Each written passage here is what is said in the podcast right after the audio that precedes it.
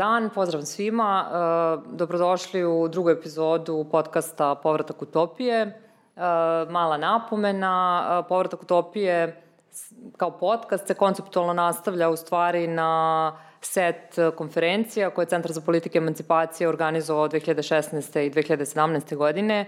U podcastu nam je cilj, kao i na konferencijama, da zajedno sa sagovornicima polazeći od uh, aktualnog stanja, u stvari uh, vidimo koje su to uh, moguće i potencijalne alternative uh, kapitalističkom sistemu. Uh, danas smo na neki način vaši domaćini, Vladimir Simović i Bojana Taminđija. Da, a sa nama su Sarita Bradaš, istraživačica, psihološkinja i istraživačica Fondacije Centar za demokratiju i Zoran Stojiljković, profesor e, na Fakultetu političkih nauka i predsednik e, sindikata Nezavisnost. I današnja tema nekako bi trebalo da bude zapravo socijalna slika Srbije i naravno proći ćemo kroz različite ovaj, segmente, ali evo za početak da otvorimo ovaj, temu sa tom nekom generalnom slikom. Dakle, mi stalno slušamo u javnosti o porastu BDP-a, o rastu standarda, o platama koje idu naviše, o padu nezaposlenosti i tako dalje. I to su sad neki uglavnom podaci koje ljudi često ni ne razumeju. Dakle, kad kažemo, ne znam, porasto je BDP toliko i toliko posto, to je nešto što ljudima nekako životno nije toliko blisko, nego to je nešto što čuju kao informaciju i ok, to mogu prihvatiti ili ne. Ali kada probamo, ako bismo mogli našim ove, slušalcima i gledalcima nekako da objasnimo št, kakav je zapravo socijalna slika u Srbiji, da ne ulazimo samo u brojke, nego nekako da probamo da ih uh, uh, raščlanimo na nekakve sitnije ove podatke. Pa ne znam da li od, možda od Sarite ili od Zorana. Ja prva. Ovaj, ne znam kako bismo mogli da damo argumentaciju da se ne služimo brojevima, ne, nekako. Ali Ipak, da ih nekako približimo okay, ljudima. Ok, ok. Svakako i, i to, je, to je ono što će, što će reći vam dosta ekonomista e, danas, da e, BDP nije mera blagostanja i dostojanstvenog života ljudi, da postoji neki niz drugih indikatora koji upućuju na to kako, kako, ljudi, kako ljudi žive. E, I meni se čine e, mnogo važnim, još jedna stvar koja mi se čini važna kod iznošenja tih podataka jeste i interpretacija tih podataka, jer nam ostaje dosta stvari nerazjašnjeno iz, iza toga. Recimo, ilustracije radi, kad je u drugom kvartalu, onom kad smo videli efekte pandemije i zatvaranja koje je bilo, e, došlo je da do pada broja nezaposlenih recimo za 111.000 u odnosu na prvi kvartal 2020. godine, a istovremeno je pala i zaposlenost. I sad imali smo rekordnu kvartalnu stopu nezaposlenosti i onda se videlo u stvari da su se ti ljudi prebacili u neaktivnost. Nije se smanjila nezaposlenost zato što je porasla zaposlenost, nego zato što ljudi naravno nisu u tom vremenu i potpuno racionalno nisu tražili posao. E sad ono što mi imamo, pored tih pokazatelja takozvanog tržišta rada, e, imamo i pokazatelje o siromaštvu. I uporedivi podaci, recimo za Srbiju, otkad se sprovodi uh, anketa o prihodima i uslovima života, govore da su građanke i građani Srbije na dnu uh, lestvice po tim parametrima i materijalne uskraćenosti i finansijskog siromaštva. I te se stvari ne menjaju bitno u svim ovim ciklusima sprovođenja tih istraživanja. Ono što je nama svima potpuno jasno kao podatak jeste kad pitate čoveka kako sastavljate kraj sa krajem, onda nam je blizu 90% ljudi kaže da ima teškoće od toga da su te izrazite teškoće ili su izvesne teškoće. I ti pokazatelji takozvanog subjektivnog siromaštva ne menjaju se iz godine u godinu. A nije, ne možemo da kažemo objektivni su parametri takvi i takvi. Jer kad uporedimo, recimo, kakva je kupovna moć, građanki i građana Srbije u, u odnosu na kupovnu moć siromašni, sad govorim samo o onima koji su u riziku od siromaštva, sa onima u Luksemburgu, naši siromašni su šest puta siromašniji nego siromašni u Luksemburgu.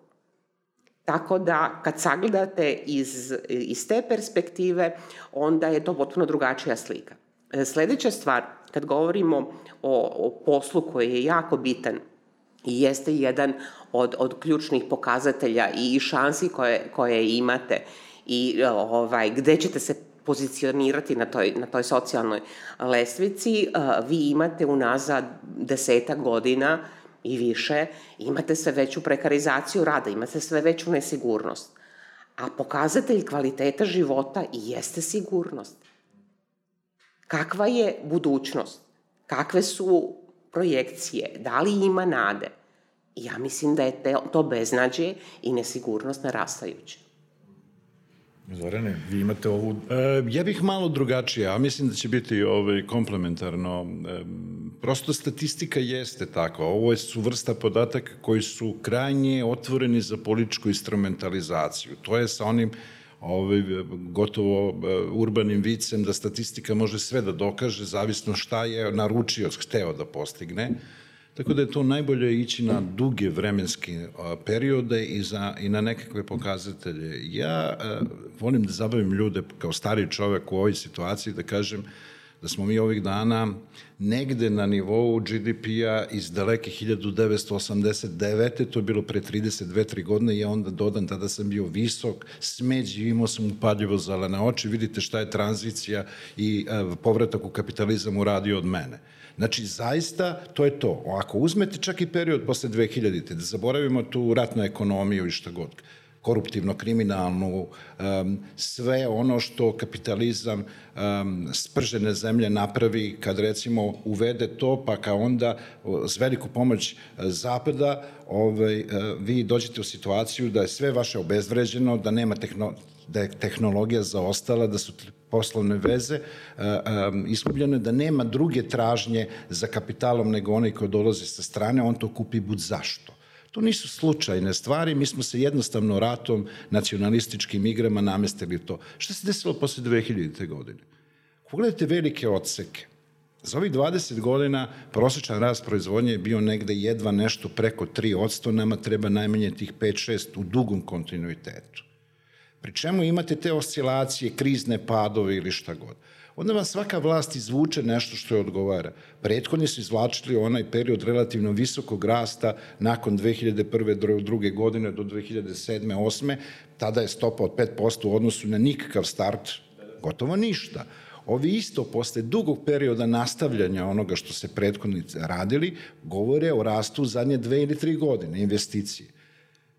E sad kad ljudi razmisle, Znači, nema dijalog. Nekog rasta ima u poslednjih nekoliko godina. Prethodno cenu stabilizacije makroekonomskih indikatora, toga da ne divlja inflacija, da su banke ove relativne institucije, da se ulazi ove, i da se uloži ove, nekakav novac, sve to plaćeno cenom povećanja nejednakosti, rasta siromaštva, zarada koje nisu za spomenuti kad se radi o pristojnom životu ili o platama za život, kao što vi kažete, ali je to plaćeno većim tim raslojavanjem i nejednakosti. I kako onda izgleda socijalno-klasna struktura?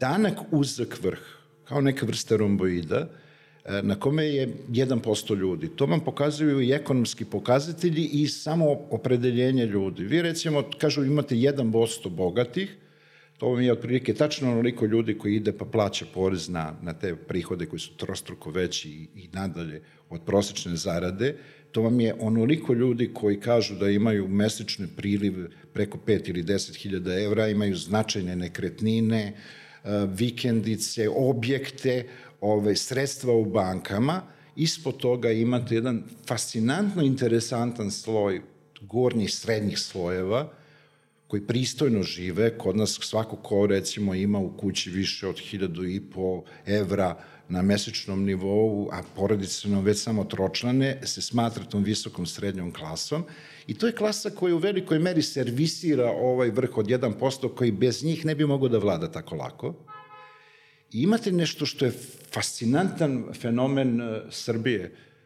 40% to, te donje ili srednje klase u klasičnom smislu, koja smatra da je srednja klasa zato što može da preživi i može eventualno još i nešto da kupi povremeno i ovo što bi se moglo posle toga zvati nešto radničkim, radničko-seljačkim slojevima, 20 i nešto procenata e, i pod klasu ovo što je ovo praktično apsolutno ispod linije ove BD, tih 7-8%, ono što je odmah oko linije lako može da padne od onih pre, sledećih do 24-5%, to vam je struktura.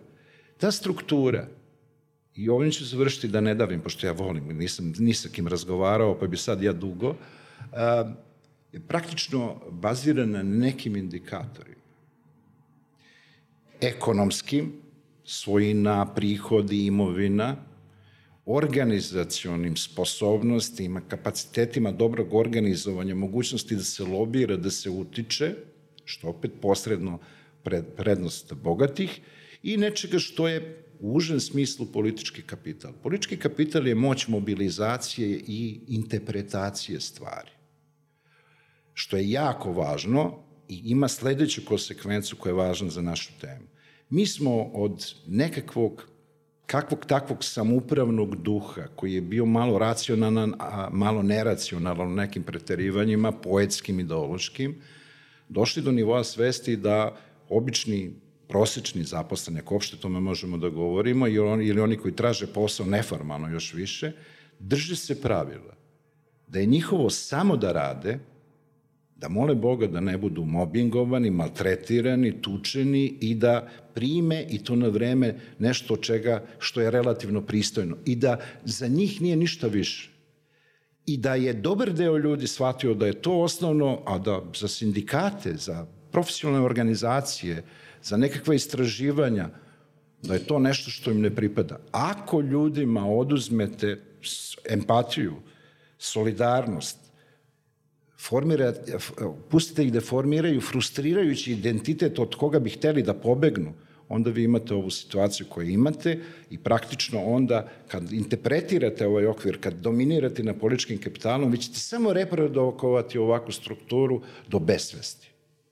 To je jako važno i to, o tome bih volao ovaj, da, se, da se malo time pobavimo, jer um, um, praktično kad pogledate, ljudi nisu spremni na samo angažovanje, ne, solidarnost je ispod polovična vrednost u istraživanja koja se prihvata, svest o hijerarhiji je vrlo prisutna i ovo funkcionalizovanje, samo da budem plaćen, sa svim ovim lepezastim oblicima rada se samo širi. Ukoliko to ne, ne promenimo, mi ćemo samo perpetuirati tu ovu stvar, a onda će zgodno doći ova priča svake vlasti koja poštuje interese korporativnog kapitala i samo se pred izbore seti građana i birača, da je logika da je osnovna makroekonomska stabilizacija i da je sva sreća u tome što nema neke naročite inflacije, što ima stranih investicija u uglavnom ovu industriju e, kotrljanja kablova e, i u kojoj e, ste na neki način, što bi jedan broj teoretičara rekli, u zamci srednje razvijenosti. Rešit ćete problem nezaposleni, samim tim što će sve manje ljudi i sve više ljudi, isti broj ljudi odlazi, nećete imati formalno nezaposlene, ima, ali ćete imati ranjivu i loše plaćenu um, zaposlenost, odnosno završite u nečemu što zovu klopka srednje razvijenosti. Nikad se nećete mati, maći od toga. Samo pogledajte kako se Srbija i čitav region demografski prazni, pa ćete videti šta je uslovno nevesela sudbina. Ali ja, ja mislim da je u stvari čitav ovaj proces, ako se vratimo nekih 30 godina unazad, da je u stvari na, na nekakvom nivou radništva ili ako, ako vratimo to na individualni nivo zašto se ljudi ne angažuju, u stvari nekakav ono, lagani proces kuvanja žabe, gde ljudi zaista jesu preživeli prvo sankcije, kasnije po nekim podacima, verovatno vi, vi time bolje baratate, ja sam to pročitala kod Ivana Radenkovića, u, u njegovoj knjizi da je Srbija u periodu od 2000. do 2009.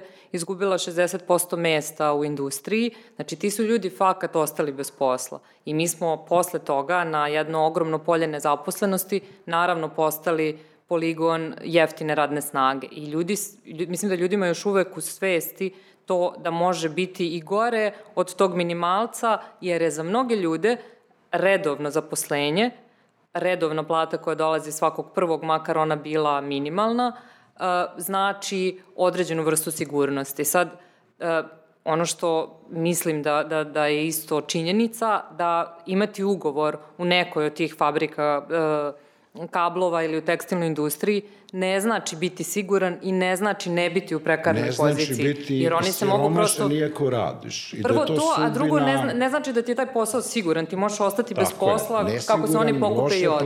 da. prekaran. Mislim da je uh, Sarita daleko bolji sagovornik. Ja i kad nešto izjavljam i napišem, ja prvo pročitam šta je ona napisala i grupa saradnika, pa se onda ove, pravim obavešten. Ja bih samo iskoristio jednu sekundicu da ovaj makroplan, to je meni bliže kao politikologu Ajde da budemo svesni da je ovo duga istorija propadanja. Kao kad brod negde plovi, pa onda nabasa na grebene, pa bude torpedovan kao sa onim um, bratsko-jedinstvenim ratom u koji smo ušli i sa svim tim posledicama.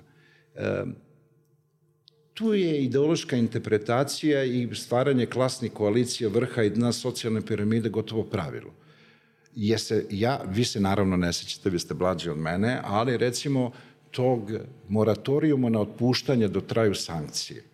Svi su formalno zadržali 90. godine poslova, primali su po nekoliko maraka, ali je neka vrsta sigurnosti ove, to postojala. Postojala je još uvek neka javna i društvena svojina koja je bila izbušena kao švajcarski sir i praktično pred kraj podržavljena. Nismo se osvestili pre 2000 te godine, mi smo da, da, razorili jedan sistem koji je postajao, a onda smo sa nekim protržničnim entuzijazmom koji smo i mi u sindikatima delili, uleteli ove velike privatizacije, izgubili tradicionalno organizovanu industrijsku radničku klasu koja je gubila posle. Nam je slomljena kičma još do 2001. druge, treće godine i ovo su sad naši pokušaji da se reanimiramo. Ima još jedna stvar, ovaj, kad govorimo o tome, o, o toj a, beznađu, a, treba imati u vidu one klasične a, psihološke teorije, Maslovljevu teoriju hjerarhije potreba.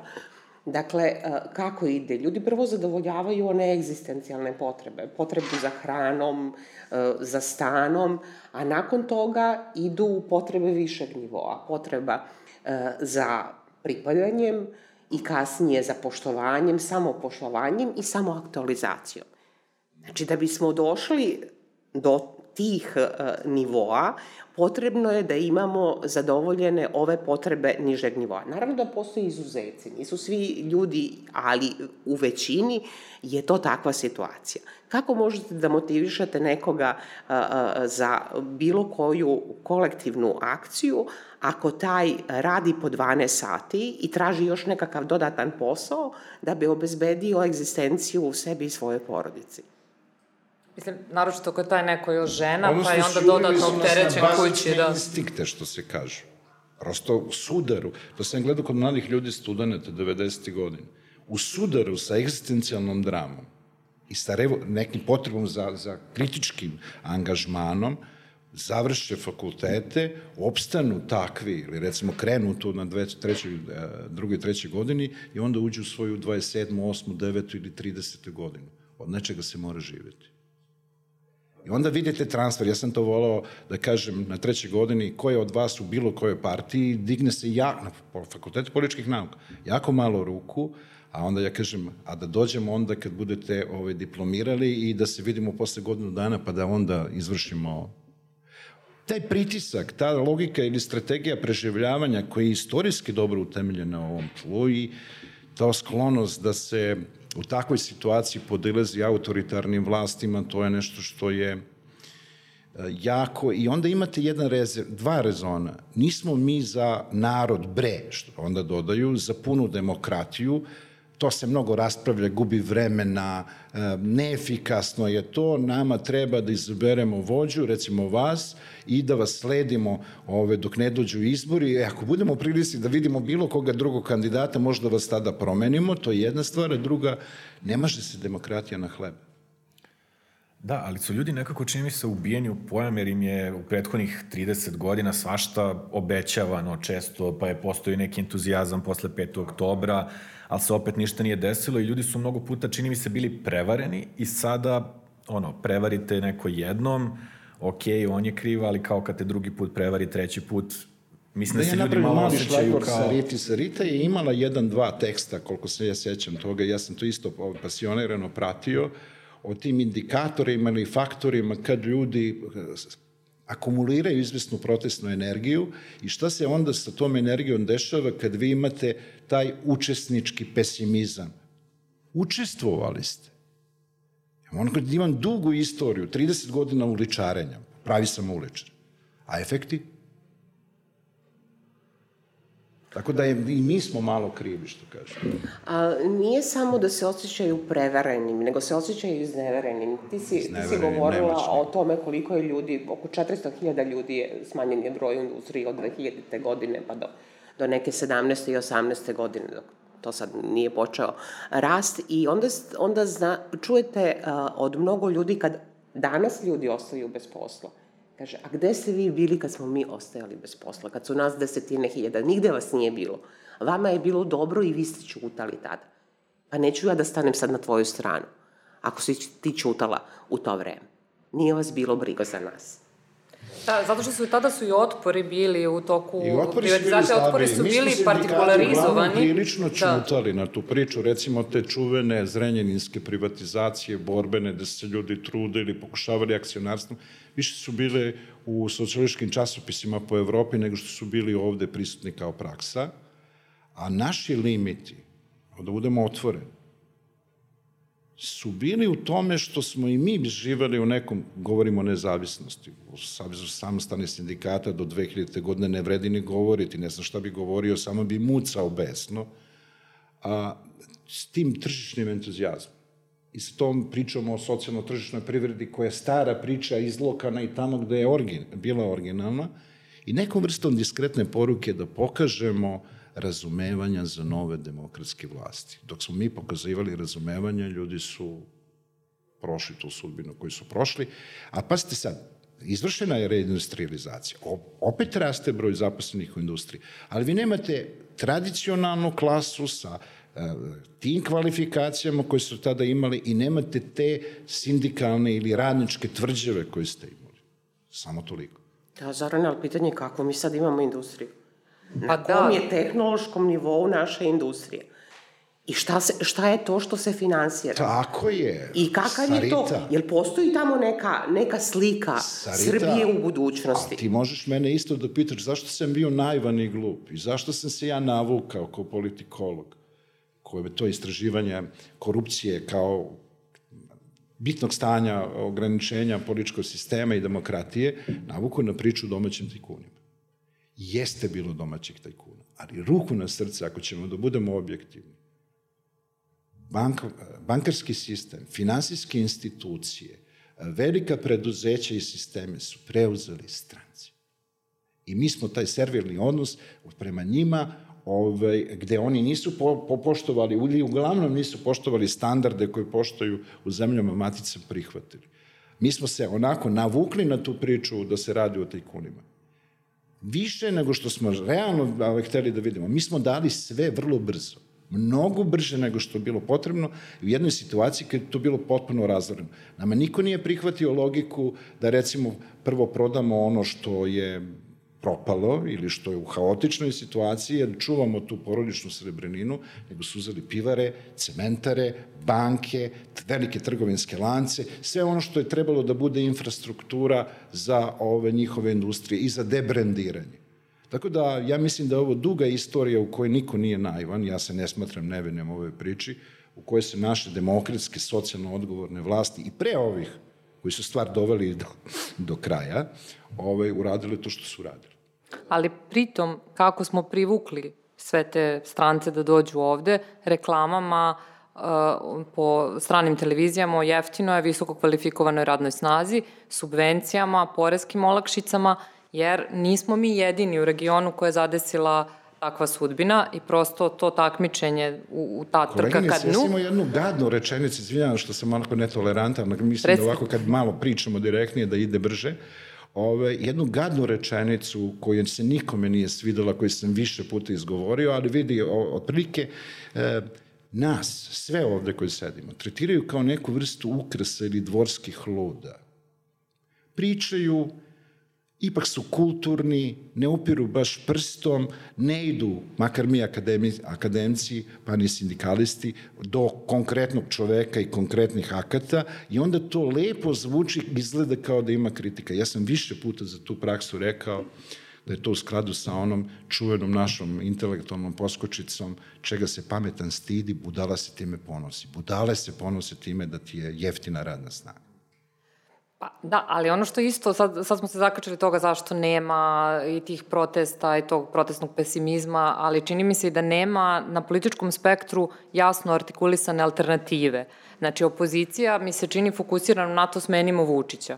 Mislim da bi šta, nastavili da radi, drugi ljudi da rade isto ono što i on. Niko ne nudi alternativu. Razgovarali smo eh, dok smo se spremali za misiju o tome kako je manevarski prostor zaista mali, ali nije da ne postoji, ali kao da prosto ljudi nešto su izgubili volju, što su iznevereni, nego nemaju ni šta da se ugledaju kao uh, opciju, kao, kao drugu opciju i kao prosto Ali neku možda, nadu da će možda biti možda, bolje. Možda, možda možemo taj segment da ostavimo za kasnije, da se malo vratimo. Ali samo jednu interpretaciju, da. prosto da ovaj, uh, uvažemo do kraja Saritu. Ovo je opet neki šlagvor za nju, jer ja mislim da ta drsta literature jeste nešto što nam je komplementarno meni kao političkom sociologu. Pazite, prvo čovjek mora da ima osjećaj nekog grupnog identiteta. Da to bude poželjan identitet. Ovde se ljudi stide što su radnici. Ovde mladi ovaj, ne osjećaju Srbiju kao arenu u kojoj će da se ovaj, aktiviraju, nego gledaju da odu. Znači, prvo poželjni identitet, pa grupna svest, pa dosta jasna svest koja je druga strana. Pa poverenje u aktere one koje će nas voditi. Ako ja recimo ne verujem u vas dve, I znam da ćete se, pos... pretpostavljam da će se posvađati i da ćete neku interesnu računicu zadovoljiti zato što smo mi protestovali, pa ja neću protestovati. Samo toliko.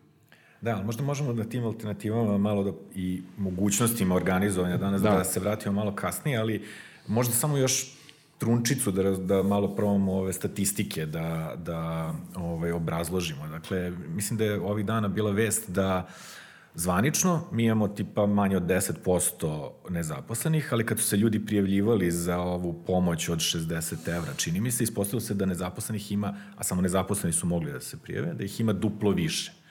I zapravo to je isto jedna od uh, začkoljica ili načina da se zapravo kamuflira uh, stvara nezaposlenost jeste statistika, odnosno način na koji se istražuje. Možda Sarita možeš ma malo detaljnije o tome. Da, da kao e, imamo najnižu stopu i najniži broj nezaposlenih, negde oko 340.000 i na jednom sad pomoć treba da dobije 600.000 ljudi. Ovaj prvi podatak je iz ankete o radnoj snazi. E, I u anketi o radnoj snazi definicija nezaposlenog je osoba koja je nije radila u nedelji koja je prethodila anketiranju bar sat vremena, i za to dobila novac ili nešto u naturi i koja je mesec dana unazad aktivno tražila posao. S druge strane, ovi brojevi od oko 500.000, toliko se kretalo uglavnom u 2020. godini, to su ljudi koji su prijavljeni nacionalnoj službi za zapošljavanje i ispunjavaju obaveze koje imaju, aktivno traže posao, javljaju se na svaka tri meseca i ako ih pozovu da učestvuju u nečemu, takvih je jako malo koji će imati priliku da se uključuju neke aktivne mere, e, oni su registrovano nezaposleni. Međutim, prema zakonu o zapošljavanju i osiguranju za slučaj nezaposlenosti, pored ove evidencije aktivnih tražitelja posla, vodi se i još dve evidencije se vode. Jedna su oni koji su privremeno e, sprečeni ili nesposobni za rad i njih je oko 60.000 na mesečnom nivou i e, vode se oni e, kojima miruju prava po osnovu nezaposlenosti. Recimo, neko, opet ovaj, to je svaki ovaj, 5% svega ljudi koji primaju naknadu novčanu za slučaj nezaposlenosti, pa dobiju posao na ugovor o privremeno povrmenim poslovima, njima se zamrzava taj status, kao i oni koji odu na odsluženje vojnog roka, odu na istražavanje kazne do, do šest meseci. E sad, kad saberete ovih 500.000 i ovih 60.000, to je 560.000. U, u martu mesecu jeste u odnosu na februar broj registrovano nezaposlenih porastao za nekih 20.000, I kad pogledate strukturu, da li su to oni koji prvi put traže posao ili su došli iz radnog odnosa, onda vidite da je u obe grupe je došlo do povećanja. Dakle, oni ljudi koji uh, ne veruju da ima ikakvog smisla da se prijavljuju na evidenciju, jer nemaju ništa od toga, i ovaj oni su motivisani. Onda znamo koliko je to koliko je to loša situacija. A nezaposleni jesu grupa koja je izložena najvećem riziku od siromaštva i socijalnoj isključenosti od svih ovih grupa na tržištu rada čak i u odnosu na one koji su koji su neaktivni. Ali s druge strane tek ćemo da vidimo da li su brojevi ovih koji su radili pa su ostali bez posla početak toga istekle su subvencije koje su koristili poslodavci od januara, februara meseca i sad ćemo da dobijamo tu sliku tih nezaposlenih koje, koje nismo, nismo ranije videli. Šta bismo rekli, koliko trenutno ima nezaposlenih?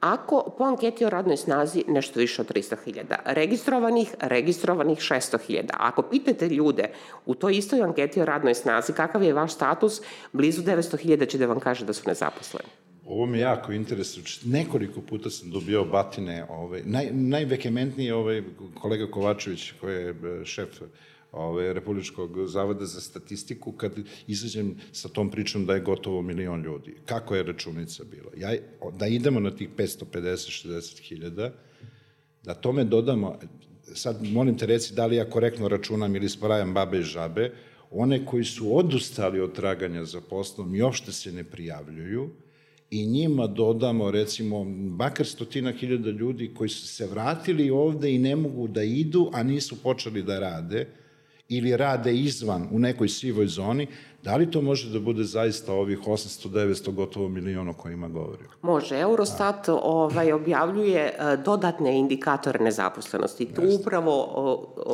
su Menjaju oni koji su... pa se učutali. Izgleda. Koji su oni koji su ovaj, uh, žele da rade, ali ne traže aktivno posao. Tako I takvih ima negde oko 200-300 hiljada. Tako je, to je milijon. Oni koji rade e, nepuno radno vreme, a želeli bi da rade puno radno vreme i uh, treća kategorija te podzaposlenosti, odnosno treći indikator podzaposlenosti jeste o, oni koji aktivno traže posao, ali uh, ne mogu u naredne dve nedelje da počnu da rade. Tako je. Sprečeni su iz nekih razloga. I kad se to sve sabere, onda, onda dođete do mnogo većeg broja nego što... Samo jednu rečenicu, ja to obožavam. Mislim da, jer samo takve stvari ljudi pamte kad gledaju ovakve emisije ili slične, a malo kakih je malo.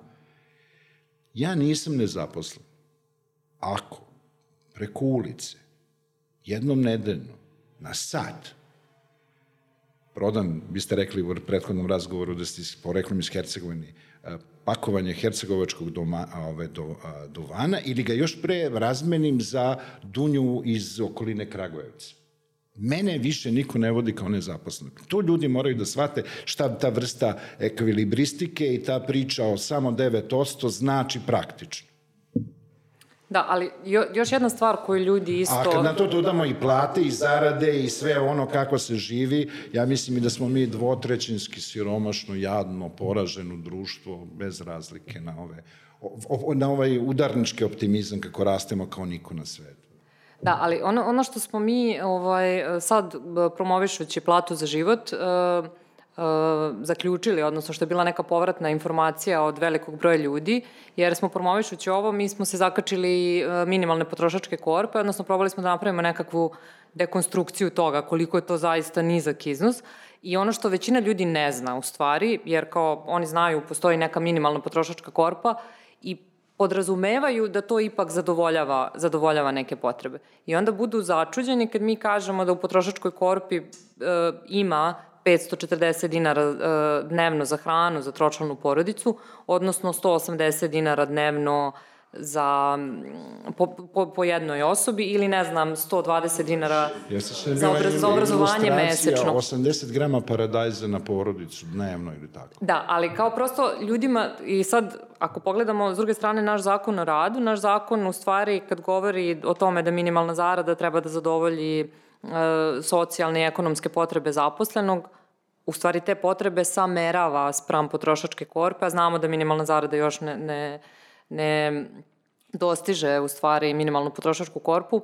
Šta je vama, vi učestvujete u pregovorima, mislim šta je problem, uh, jel možemo još jednom da ponovimo onda da svi sad zapamte sa minimalnom potrošačkom korpom? Pa da vam kažemo ovako, ovaj, e, prvo da se našali malo. To se po mojim podočnjacima i, i godinama vidi, ja patim od nesanice i onda ujutru kad se probudim u pet čitam to što mi pošaljete, ovo to što ste mi vi slali, ja ove, obavezno pročitam, znači nije izgubljeno vreme i onda ih maltretiram na socijalno-ekonomskom savjetu, pogotovo i vladin deo i poslodavački, kažem, evo vam plate za život je 98.000 dinara, pogledajte istraživanje ili šta god. A znate šta je problem? Prvo ću da malo fusnotiram. Oni nemaju osjećaj empatije. Oni su profesionalci. Oni kažu, žao nam je, a ne vidite da su zabrinuti, ili većini ne vidite na licu da ih to pogađa, I kažu, pa dobro, ali za vreme naše prethodne nenarodne vlasti izgubilo je posao 400.000 radnika u industriji. Tada su zarade bile takve ili takve, a on mi kad smo došli i onda kažu, pa nam je žao, ali šta se može, ne može se to. Evo, mi ćemo razvojem za pet godina doći do plastične plate 900 evra. Samo političko funkcionalizovanje pozicije i odbrana pozicije neko ko se slučajno tu našao u normalnim okolnostima nikad ne bi bio to što bi bio. Ako smem da budem bezobrazan ili velika većina. A onda, ovo, onda se ovo brani sa stanovišta minimalne potrošačke korpe koja je incidentna kategorija, sramotna kategorija, odnosi se na utvrđivanje minimalca koji bi trebao da bude incident na nekoliko meseci, a ne praksa izgleda oko 400.000 ljudi, to što je recimo svaki četvrti kako tako legalno zaposlen i praćen u ovom sistemu. Um, oni to recimo vide, žao im je, ali recimo vide kao neku veličinu koju brane čime? Brane idejom, a najbolje naj, najopasnije su post istine ili polu istine, da je e, sa ovako malim e, zaradama celini i sa malim nekakvim okvirom za raspodelu, povećanje naglo minimalca dovodi u situaciju da, recimo, u javnokomunalnom sektoru, u nekim drugim delatnostima, vi ljudima dodajete da bi isplatili minimalac, a sve zaposlene držite, recimo, NK 30, odnosno 32, inženjer 44. I onda praktično, kao kad recimo um, oduzimate od penzijama samo onim koji imaju raskošne penzije preko 200 evra i koji su manjina u odnosu na onoj kojima ne uzete ništa, polarizujete ljude. A, mi, a nenormalno je koliko smo mi skloni polarizaciji i onda se time praktično brani. Znači, to što im vi argumentujete, šta su kriterijum, koliko su nedovoljni, koliko bi jedina pristojna veličina trebala da bude ta prosečna korpa, koja je bila nekada 72-3, sad ja mislim da je gotovo 80.000, na prosječnu korpu, kad taj rizični prostor za ono, e, da li možete da preživite ovaj, kao porodica ukoliko imate varedni trošak od 100 evra, a da ne padnete u nesvest, to dovodi do ovih vaših 97-8 hiljada. To je nesporno, ali se brane time da ovaj, jedni drugima unazad za ove tri decenije naplaćaju ko je. Samo da se nadovažem na ovo što ste rekli za taj nepredviđeni trošak. Neko istraživanje iz 2016. se, i ovom pričom jeftine radne snage. Da, kaže da, e, ne znam, čini mi se 80% domaćinstava u Srbiji bi imalo problem kada bi imalo nepredviđeni trošak u iznosu od 80 evra. Dve trećine bi trebalo nešto da prodaju, a ne znam, 40% nema mogućnost ništa ni da proda, niti ima mogućnost prosto bilo koga da pozemi, jer je socijalni milje kao prosto takav da niko nema 80 evra ako nema za sebe, nema, nema malo ni da da nekom Malo su niži procenti, ali... Malo sam da, da, ali dobro, nisam... nisam slika se jedno da. skandalozno, da 25% ljudi nema šta da proda u slučaju nekakvog nepredvidnog, nešto, pokorim se frižider, zamrzivač, oni nemaju šta da prodaju, Ove, ovaj, a e, zanimljivo je ovo sad opet za minimalnu potrošku korpu, da, mislim, još jedan od parametara, da ona uključuje 1150 dinara za odeću i obuću mesečno za tročlanu porodicu. 1150 dinara. Mogu to ja... je ovo što, govor, što si govorila o maslu. Uh, samo, samo da razjasnimo nešto. Ono što, e, što negde e, bi bila asocijacija na minimalnu potrošačku korpu, to je e, šta vam treba, koliko vam treba od hrane, odeće, obuće, troškova obrazovanja, zdravstva, za plaćanje stanarine, komunalnih usluga, što je nekakav minimum da biste zadovoljili egzistencijalne potrebe, je tako? To, to, to bi nam bila negde asocijacija. I sad mi imamo dve potrošačke korpe. Jedna je minimalna, a druga je prosečna.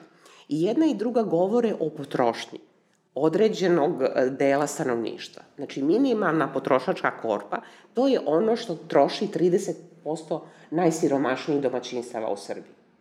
A ova prosečna potrošačka korpa, to je nekakav prosek, e, prosečna potrošnja domaćinstva u Srbiji, znači oni koji su od trećeg decila do osmog decila što uopšte ne govori o tome da li ljudi mogu da zadovolje ono što su im egzistencijalne potrebe i ona se koraguje za taj, za taj rast cena. Pa kad pogledate tu strukturu između te prosečne potrošačke korpe i one minimalne potrošačke korpe, onda vidite da hranu kad samo gledate u grupi ovih žitarica ili kako se već to zove, Prosečno se razlikuje od ove minimalne za pola kile bureka. Bureka nema u minimalnoj, a ovde ima pola kile bureka. Ili kad pogledate voće i povrće, čak nema te ravnoteže između određene, određene vrste hrane. Ovi u prosečnoj potrošačkoj korpi imaju pola kile ili kilo cvekle, a ovi u minimalnoj nemaju to. Ovi u minimalnoj imaju malo više kupusa nego ovi u prosečnoj. Dakle, to nam ne govori ništa o tome šta, da li oni mogu da zadovolje. Negde troškovi zdravstva, ja mislim da su u prosečnoj oko 4000, a ovde u ovoj minimalnoj sa 2000. A treba imati u vidu da od 10 dinara koji e, se izdvajaju za zdravstvo, četiri građanke i građane Srbije daju iz svog džepa. Šest je dinara javno finansiranje zdravstva. Znači, mi smo i po tome rekorderi u Evropi i govori nam to u stvari koliko su nedostupne javne, javne usluge. I čitava sad ova priča o sivim knjigama e, zdravstva, o tome da recimo se e, omogući refundiranje troškova onima koji se privatno leče, zato što e, će se tako poboljšati kvalitet usluga, poboljšat će se kvalitet usluga za one koji i onako imaju da to plate. A šta ćemo da radimo kad to uzmemo od javnog zdravstva sa onima koji onako imaju težak pristup, teži pristup uslugama zdravstvene zaštite. Njima će dakle biti još manje i bit će još nedostupnije zdravstvene usluge. A pogotovo sad u situaciji da malo pandemije kada nam Koliko je ovde razvijeno licemerje. Vi kad počnete da pričate ovo, naravno, neprijatno je. Niko ne uživa u ovakvoj priči to suočavanje sa, sa, sa, sa, s ludilom svakodnevno preživljavanje je užasno bolno i strpljuje. U prirodi je ljudi da zaspu misleći na nešto trivialno ili gledajući neki reality, ovakav ili onakav, politički ili pravi. I onda se pojavlja jedna grupa ekonomista, sociologa ili šta god, koja sad ovo malo relativizuje. Ali vidi, to što malo izrelativizuješ sliku, ništa nisi promenio. Tipa, Pa dobro, e, mi smo narod koji je poznat po tome što e, više troši nego što su mu evidentirani prihodi. Pa počnu da pričaju o nekakvom samosnalaženju, o dodatnim prihodima, nešto malo iz poljoprivrede. Pa počnu da pričaju, recimo, da je u odnosu na 100 dinara GDP-a 8 dinara su doznak iz inostranstva ili šta god. To je tačno Ali to ništa ove, nije ove, učinilo manje sivom ovu priču, jer, uh, ajde sad da se pitamo, vaša procena je jako realna i jako skromna. Šta može tročna porodica sa 98.000 dinara, pogotovo u skupljim urbanim središtima, da je, recimo, ako imate stan u vlastištvu, plaćate sve onoga što ide i raskošno, recimo, internet, telefone, šta god, kako može da živi i šta, kako živi se i tim parama. A te pare su san za, pa ja mislim da ne preterujem, kad pogledaš plate za između dve trećine i tri četvrtine zaposlenih. Da, ali ono što je, samo da se nadovežem sad na, na ovo što je Sarita rekla za minimalnu potrošačku korpu. Znači, A s druge znači, strane, ono, onih 1%. Sa da. ne najsposobniji. Hoćete tačan, hoćete tačan podatak. Znači, ima jedno istraživanje koje sam ja čekala kao ozebao suncem. Ovaj, e, zove se struktura e, zarada zaposlenih prema polu kvalifikacijama. Radi se jednom godišnje u septembru mesecu i imate prikazane intervale zarada. I uh, koliko? Ajmo, ne kažemo da je 95.000 ono što je uh, plata za dostojanstven život, znači imate nekih 10,6% zaposlenih u Srbiji koji primaju platu koja je veća od 95.000 dinara. Znači, mnogo Spada manje u odnosu na 10%, a ovako mi je kako mi je.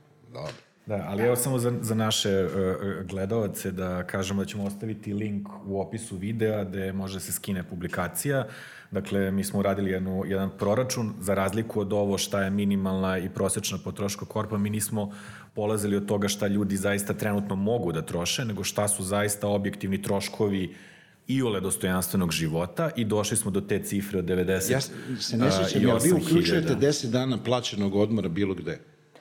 Uključujemo diskrecioni dohodak, 10% mogućnosti štednje, pa nek ljudi troše na šta, na šta god Ali hoće. plata za život bi trebalo da podrazumeva Podrazumeva, da. minimalno nedelju dana odmora godišnje Neki u okviru okvir. zemlje. U okviru zemlje, da. U ovom sve jeftinijem, po znacima navoda, selskom turizmu. Da, ali inače kada radimo istraživanja, većina ljudi, dakle godinama nije bila na odmoru, ne na Godinama moru, nije videla ništa, nije, da. da. mislim, to je Ne, baš u, ne, u nekim intervjuima ovaj, uh, ne, ne mogu reći da sam se začudila, ali me, bez obzira što se nisam začudila, užasno me pogodilo to kad smo, razgovarali smo sa ženom koja ima recimo nekih 55 godina i bilo je pitanje kada ste poslednji put išli na odmor i ona je rekla, ali ja nikad nisam išla na odmor. Zato što su ljudi prinuđeni da rade za vreme odmora, da u stvari rade uh, drugi posao. Znači, ili će da grade kuću jer nemaju stan, ili će da okopavaju baštu da bi, da bi napravili neku vrstu dopune tog budžeta ko, koji je, jadan. Ja se sećam tog A- istraživačkog nalaza da za ovaj novac o kome vi govorite o nekom minimumu pristojno, svi misle da su raskošno srednja klasa.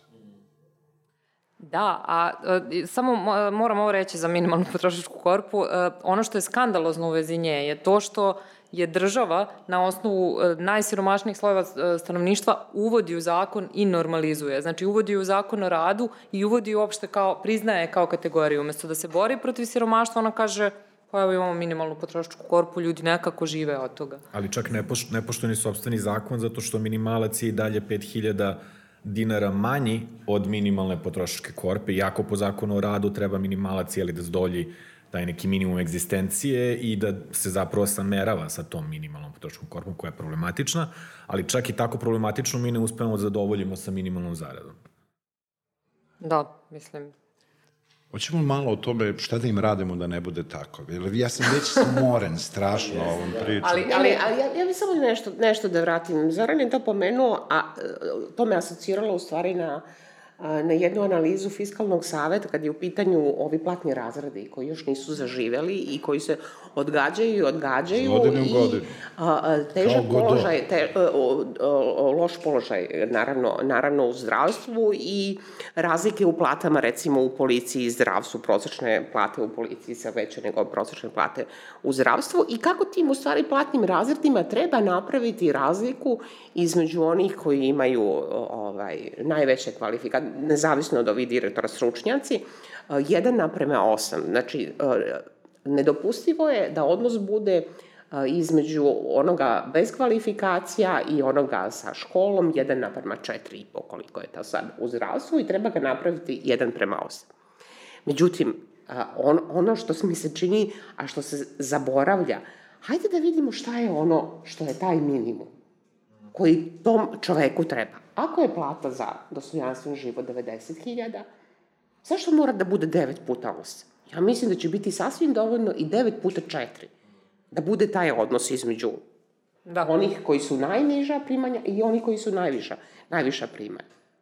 I to, to, se negde, to se negde zaboravlja kad se kaže kako nije velika razlika u platama. Nije, zato što je lestvica vrlo nisko spuštena. Ostavljena velika većina prati tu i vi imate veliki broj sredina u kojima je raspon ne veći od 1 prema 3.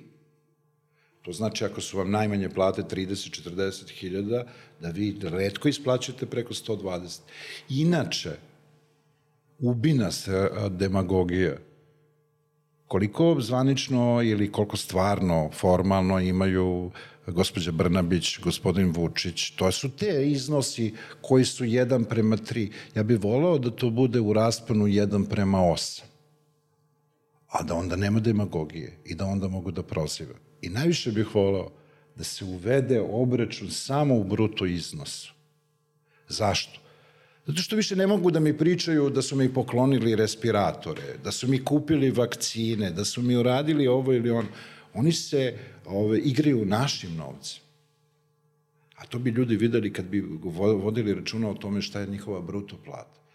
Onda bi se pitali, recimo, na moju platu koju dobijem na ruke, ovu neto, šta je, recimo, sa 40.000 onih koji neko uzme i distribuira. To bi promenilo mentalitet. Mi imamo rajnski mentalitet, postočnički mentalitet, mentalitet snalaženja i sklonost da, recimo, pristanemo na sve. Ja ne mogu da zaboravim ove istraživanja koje pokazuju kad ljude pitate, što je društveno nepoželjan odgovor, znači ima više takvih koji bi to radili, da li biste da obezbedite sebi ili nekom svom prepoznaniku ili člana porodice ovaj, uzeli bilo koju knjižicu vladajuće ove stranke, trećina kaže da, a petina kaže da bi nešto i platila. Da, ali prosto, mislim, to, to nije ništa čudno. To ljudi su kao prosto vidi, prinuđeni. Ljudi su da prinuđeni. kad su prikovani kad su, kad su, kad su prikovani, ali da. verovatno, da. recimo, kad bi malo podigao taj borbeni elan, kad bi, recimo, antikoruptivnim delom i strategijama nešto postigo, verovatno bi se ljudi otrgli. Ali ima, ima i ta, ta neka stvar, uh, uh, znači što, je stari što je, kokoška ili jaje. Što je ovde, kao prosto čini mi se da su ljudi na neki način internalizovali siromaštvo. Malo pre smo naveli svi uh, niz, niz razloga kako smo u stvari došli do ovde. I kao prosto... Sitnu pokvarenost egoizam, ne, ne to su ja, isto internalno. Ne, ne, ne bih ja išla yes, na tu stranu, ali yes. ono što mi je recimo problematično, kad ljudi mogu u Srbiji da zamisle da u Nemačkoj je okej okay da imaš platu 1200 evra minimalnu ne znam. A kad mi kažemo u Srbiji treba bude 800, oh, kao da, da to nije za nas malo mnogo, ali mi imamo evo statistiku. U Nemačkoj se radi 6,6 minuta za litar mleka, u Srbiji se radi 40. Pritom Pro... mleko je jeftinije I pritom je mleko jeftinije tamo.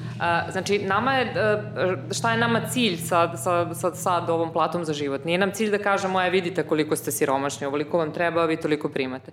Nego upravo negde da podignemo prosto očekivanja od ljudi. Znači, Odnosno, naši neku koncept... vrstu optimizma, neku ne... vrstu pritiska na strategiju razvoja, upravo, upravo. na kompetentnost, na to da shvatimo. Evo, sad ću vam reći nešto što ne očekujete od predstavnika sindikata. Nama užasno treba elita kvalifikovana, koji treba platiti kao što se plaća u privatnom sektoru. Nijedan vam sindikalist neće reći da ima nešto protiv toga, da on dođe do te plate, da ne pita koliko hiljada evra ima neko komu je to omogućio. Nemojmo se igrati ove, tih urođeničkih igara i mislim da je to osnovna stvar.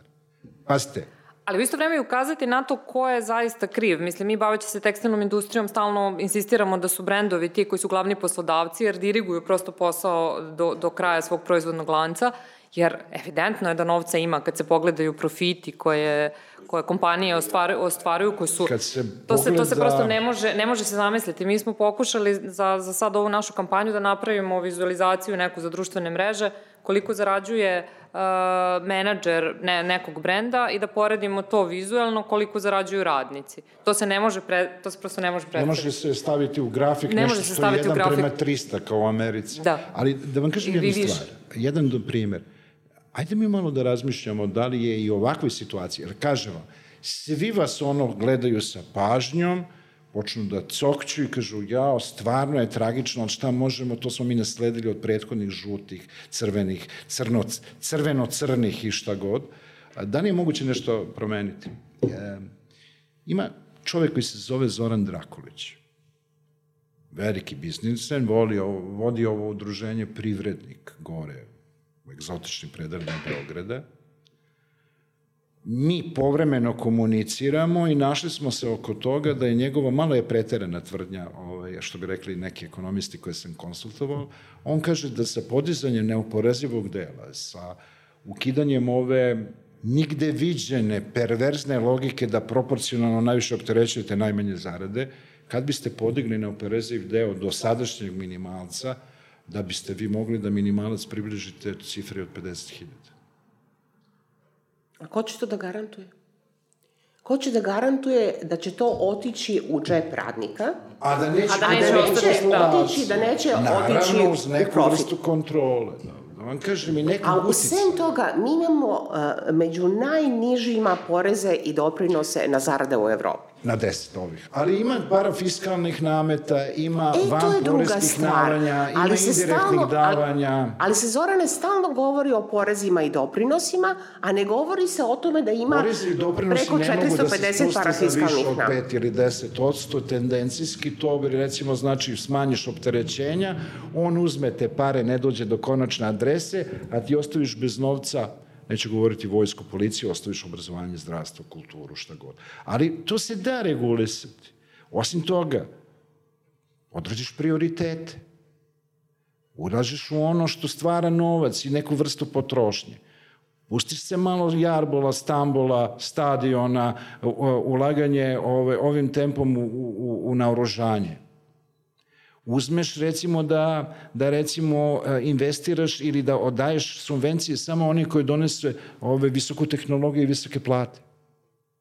Ne razbacuješ se time, smanjiš koliko toliko koruptivne kanale na ispod recimo 5%. Znate koji je to novac? To je isto naša plata, mi pokušavamo A fond plata, a, a jel imate podatak koliko je fond plata uopšte u, u proizvodu? A, koliko procenta od... Sve plate ulaze u neku vresnu proizvoda i kakav je odnos između raspodele na, na, na ak- aktere kapitala i aktere rada? Ispod 10%. I to, I to poprilično ispod 10%. Mislim da uh, Vladimir Pa, ima u svojoj svesti da ovaj, ove ne, ne, neki primer. Da, Srbije, da obradujem većim parama kao neko ko vodi socijalno odgovornu, kohezivnu politiku, mogu se ne tako puno para. Mi smo, nažalost, postali toliko jeftini da nas iz ove bede malo na neki veći nivo koji nije usrećujući, možeš digneš relativno jeftino i relativno u brzom roku. ali koji, eto, vi ste predsednik uh, jednog od najvećih sindikata u Srbiji, koji je, koje su moć sindikata danas, ako mislim uzmemo u obzir da možemo mi sad ovde pričati šta god, osnovna instanca odbrane radnih prava i zastupanja radnih prava, ako govorimo o većini stanovništva, jesu sindikati, o, o, o radničkoj većini, kakav je danas položaj sindikata u, u, u Srbiji, s obzirom da znamo da imamo gomilu strukturnih ograničenja u odnosu na prethodni period, od zakona iz 2014. da se više nisu sindikalni predstavnici zaštićeni, da i neke druge in, in, da, da u, ovaj, mm, uni poslodavaca nisu obavezi da budu strane kompanije. Znamo da u tekstilnoj industriji recimo nije moguće potpisati kolektivni granski ugovor jer prosto nemaju sa kim da ga potpišu. Ka kakav je nekakav o, opšti Medijski presek? sporazum da obezbedimo makar ove profesionalno ugrožene ljude stanovišta radnik i sindikalnih prava, mi ne možemo, iako se pokušavamo onako, i to bi smatrao velikim dobitkom, ovaj, zato što nema reprezentativnog predstavnika poslodavaca. I ne možete proširiti ovo izvan javnog servisa ili šta god. Ja bih rekao, ako hoće da bude, hoćete da budem iskreni, da to relativno kratko traje. Ono što sam jednom trenutku rekao, sindikat vam je danas između nečega što je osjećaj cinične apatije koji je rako rašireni u drugim organizacijama i svest o svojoj praktičnoj poziciji mlađeg poslušnog partnera u okviru ovog poželjnog evropskog mehanizma socijalnog partnerstva i socijalnog dijaloga, gde nemate ravnopravne resurse i na to kad im dođete do nekog zakona koji toliko, toliko pristoje, ne možete da garantujete njegovu realizaciju, između e, čoveka sa ne polomljenom kičmom, ali sa napršljenim, ovaj, naprsnim pršljenovima, to vam je ona priča da su nas slomili još dve, pre 2000-te i odmah posle 2000-te, I recimo, akoliko ove, ne, shvatamo, ne shvatimo kontekst koji se radikalno promenio neke vrste a, političkog dinosaurusa. Jer vidi, šta je interes sindikalnog organizovanja? Radnika na internetu, koji nema poslodavca, nema ugovor, nema osnov da, da, da sa nekim ispregovara penziju, nema nacionalno zakonodavstvo i okvir za to, koji samo može da se brani pred ovim pritiskacima plaćanja poreza i da jedno vreme pokušava da odbrani cenu rada, recimo onih koji engleski deci u Južnoj Koreji predaju u, recimo, iz Osijeka ili Panča. Znači, mi moramo da se maknemo ovoga, da izađemo iz postojećeg zakona, zakon o radu, evo vam je Sarita, ona to bolje zna o mene, sindikat vidi kao organizaciju zaposlenih. Mi moramo postanemo organizacija svih radno angažovanih. Znate, ono što se u marksističkoj terminologiji sem zaposleni, što je neutralna kategorija, zvalo svet rada. Svet rada su i freelanceri. I ovi mukici koji jako rizikuju, ne zapošljavajući nikog, potvaraju svoj privatni biznis koji funkcioniše ili ne funkcioniše, jer ga do radnog mesta doći neće. Znači, prvo to moramo da uradimo, a drugo onda moramo da vidimo ovim različitim krugovima, sa različitim interesima ljudi, koji su a, sindikalno ili socijalno levo, a sa stanovišta vrednosti ko zna gde su, bez političkog partnera, šta možemo da uradimo? se naslonimo na ovakve organizacije kao što je vaša i na ovo što radi Sarita, da recimo u jezgru držimo ono što je zajedničko za sve.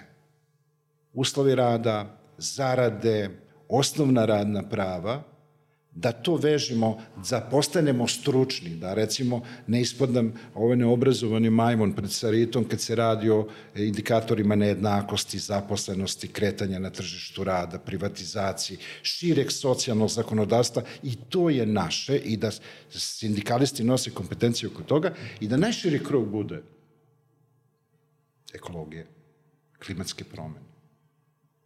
To će nas klati proći će ove priče o, pri, o, o, o, o čuvanju vode za piće, reka, a će u sindikatima biti jako veliki problem ritam u kome ćemo vršiti dekarbonizaciju, jer nama gomila ljudi radi u industrijama koje treba da nestanu, ovaj, nestaće prihodi, nestaće velike celine urbane koje su rasle.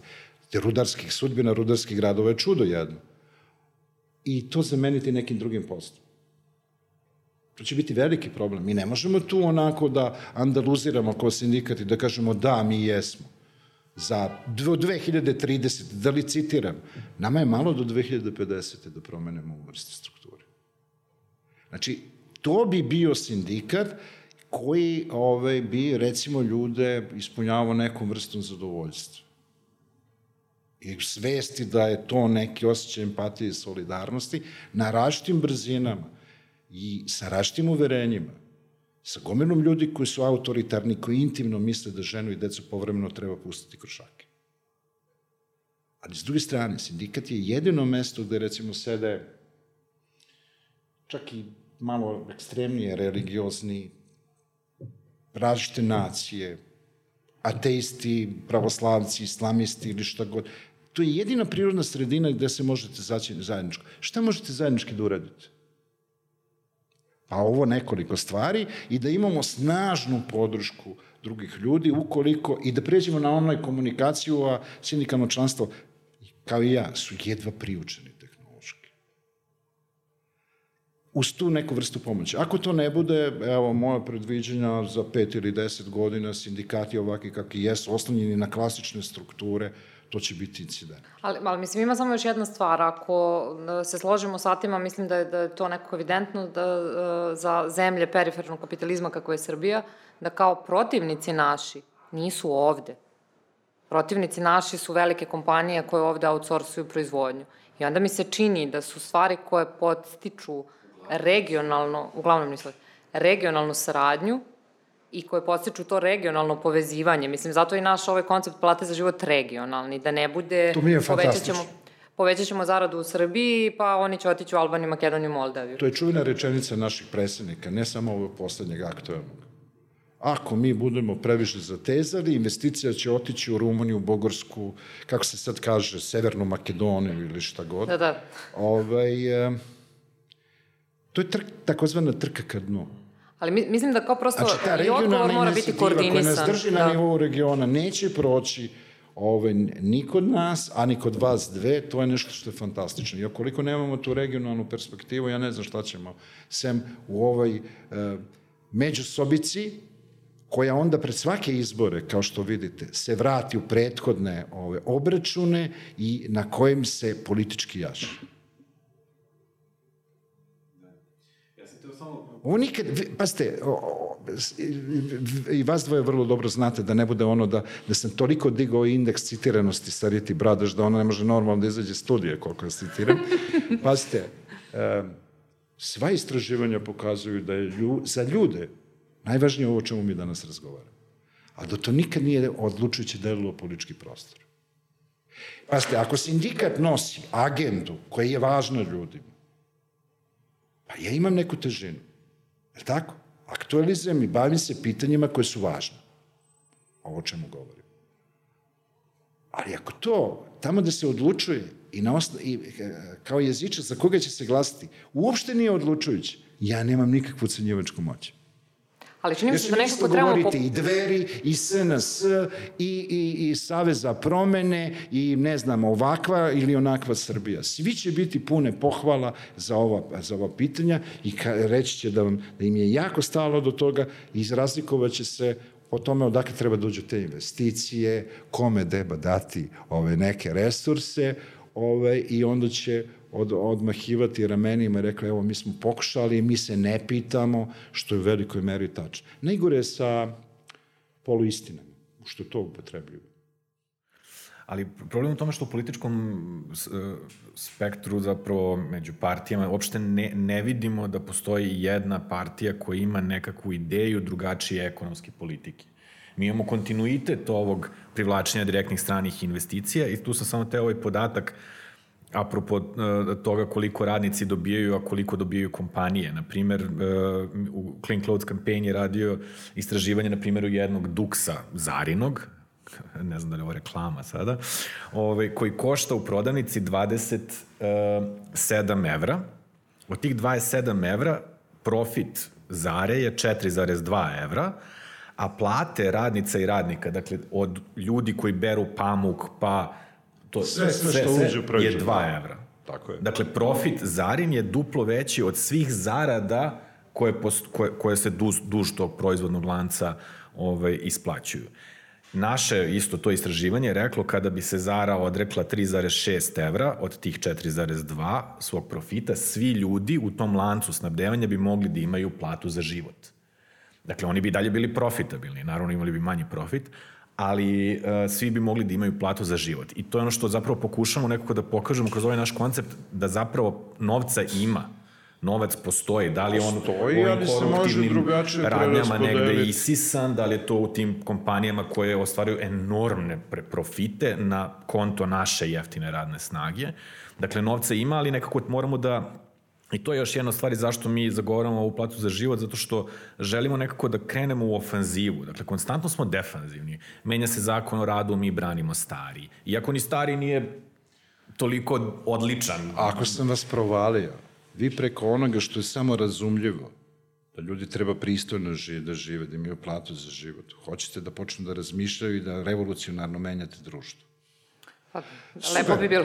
a, I ima nekih mogućnosti. A, ova, ja mi, nikad ne mogu da budem siguran kad je ovom pitanju, to je strašna energija i potreba da piše, a čovek nema više od, ja mislim, 47-8 godina Toma Piketty.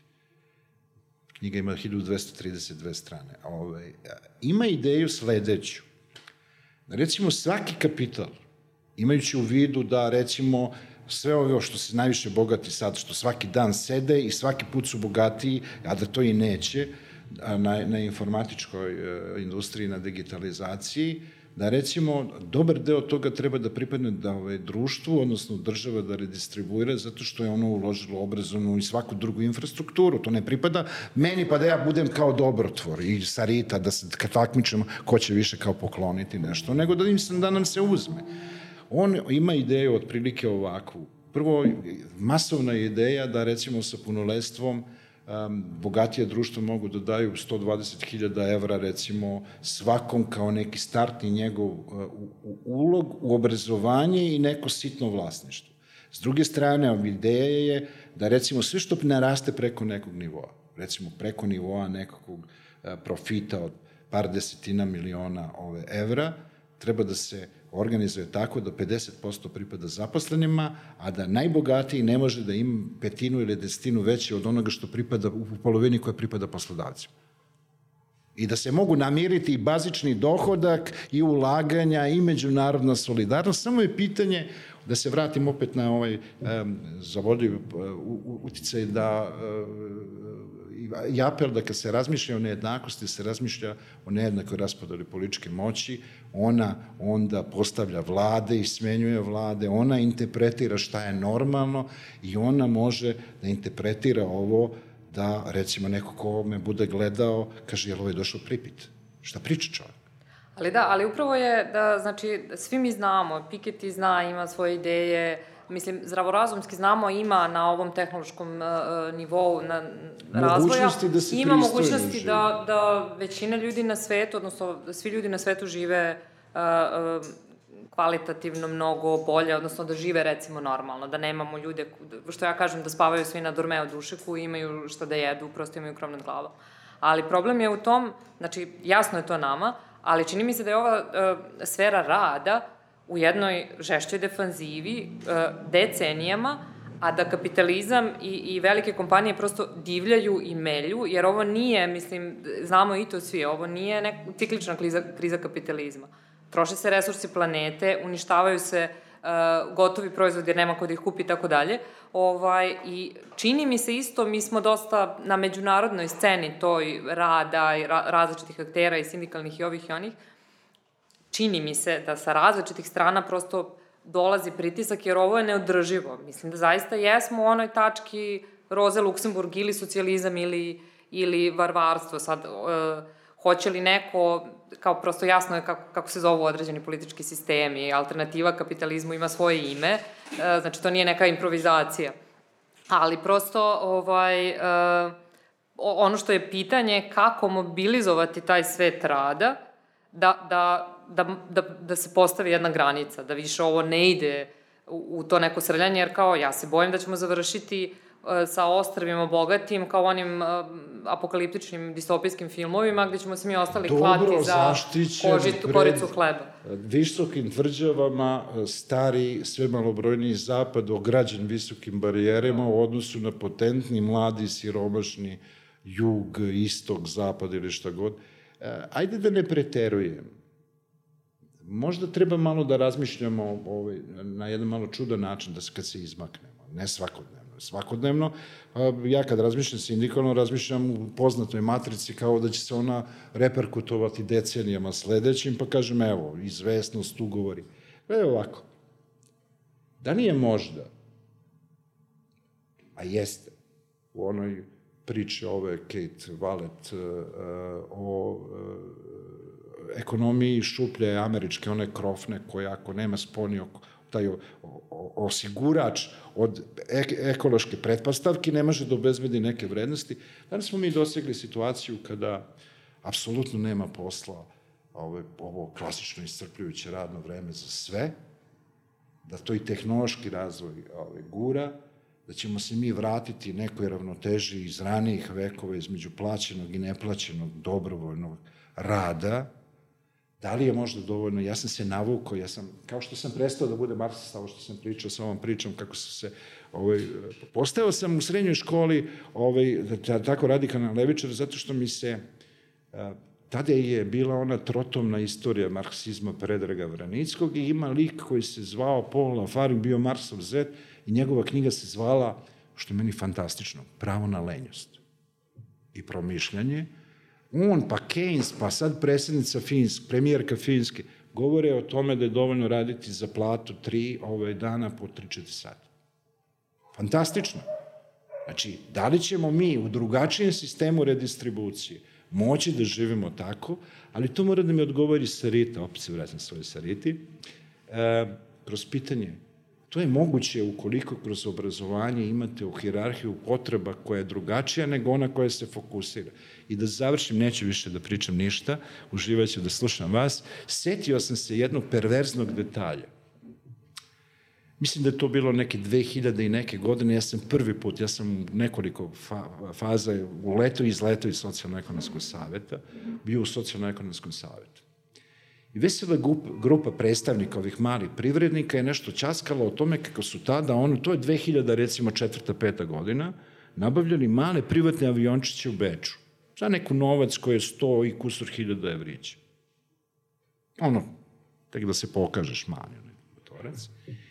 Da li vi meni verujete da ukoliko čovjek nije strog prema sebi i nema strogo okruženje, da sam počeo da razmišljam o tome kako bi bilo lepo i fascinantno da ja s takvim aviončićem sretnem, sletim na livadu ispred taštine kuće. To bi podstiče. Ukoliko ne ograničite tu vrstu potrošnje, pa nikad nećete doći do nekih standarda, sećate se onih radovi 60-70. godina, prednosti javnog prevoza, javnog obrazovanja, neluksuzne potrošnje, koje je prestižnog karaktera. Mislim, ako, ako to ne zaustavimo, ja mislim da nećemo imati nikad dovoljno para da pristojno živimo. Ako mislimo da treba da privatno posjedujemo sve što nam se sviđa. To znači da bih ja recimo hteo pola Luvra i Narodnog muzeja da imam u nekoj svojoj velelepnoj kući i da pokazujem svojim prijateljima sa estrada. Ne, imam razne asocijacije, ali ovaj, pored, pored ove internalizacije e, siromaštva, meni se čini da imamo normalizaciju nepravde i imamo sistematsku individualizaciju u obrazovnom sistemu, u, u, u javnom diskursu. Svuda imamo to.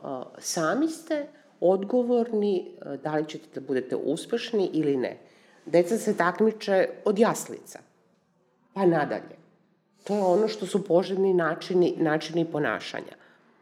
I to ide tako već 30 godina. I onda kažemo, a kako to da nema solidarnosti? Zašto, se, zašto dobijamo zadatke u kojima će neko da kaže ajmo mi prvi, a ne dobijamo zadatke koji će tražiti da deca sarađuju? Od tog predškolskog obrazovanja pa nadalje. Dakle, na takav način se urušava sistem vrednosti. I nije, nije to, nije to ovaj, sa, samo izolovano i onda imate, mene, mene ovaj, pogotovo me jako ljute uh, uh, one procene koliko je Srbija izgubila zato što su ovaj otišli mladi iz ove zemlje ili kad neko kaže mene su školovali moj mama i tata, a ne država.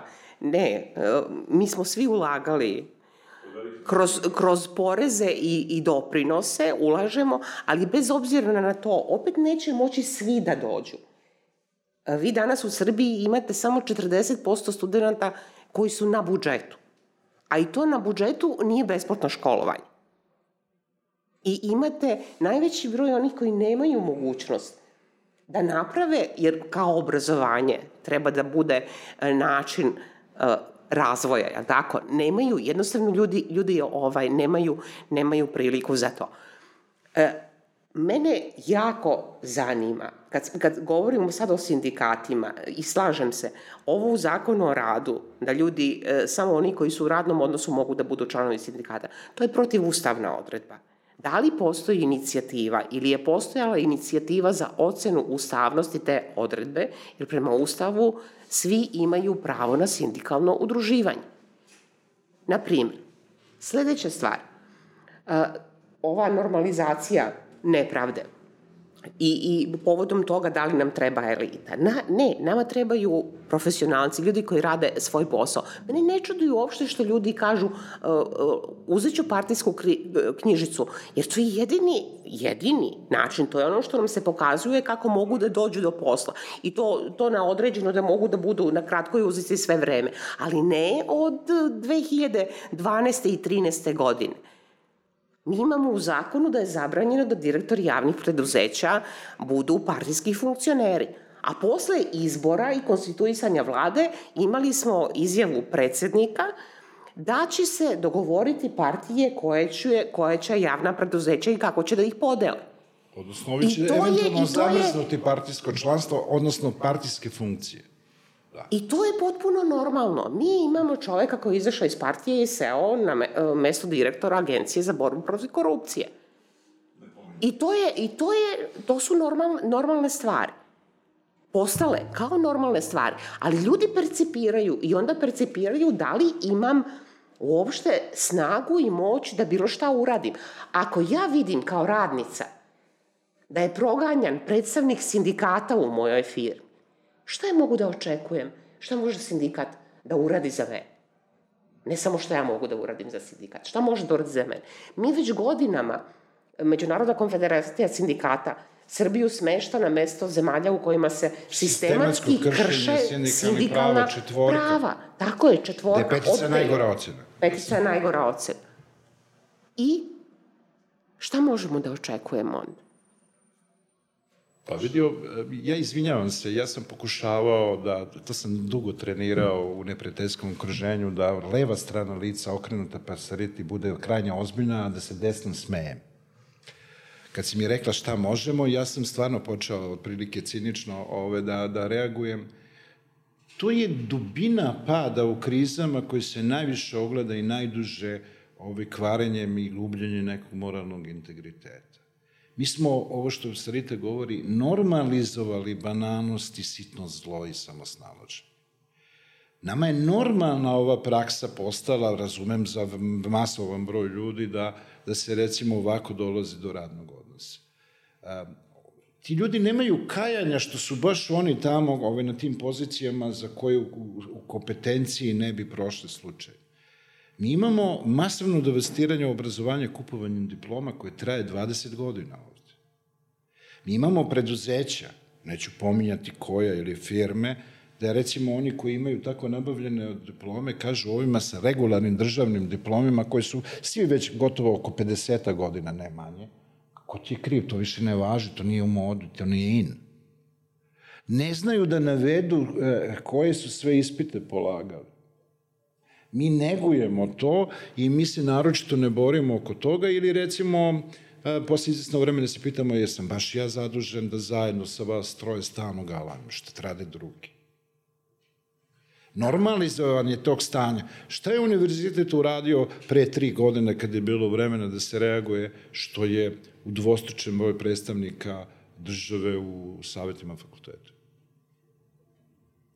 Logika nezameranja, sitnih tantijema, pokušaja da se ovom lodilu... Vidite, kad ljudi pomisle da se ništa radikalno neće promeniti ni narednih 10 ili 20 godina, šta oni počnu da rade? Participiraju u tom ludilu. Gledaju da se okoriste, da budu na listi za neki projektić. Da recimo umesto da prime profesorku platu od 1000 evra, gledaju da to imaju puta 3 ili puta 4.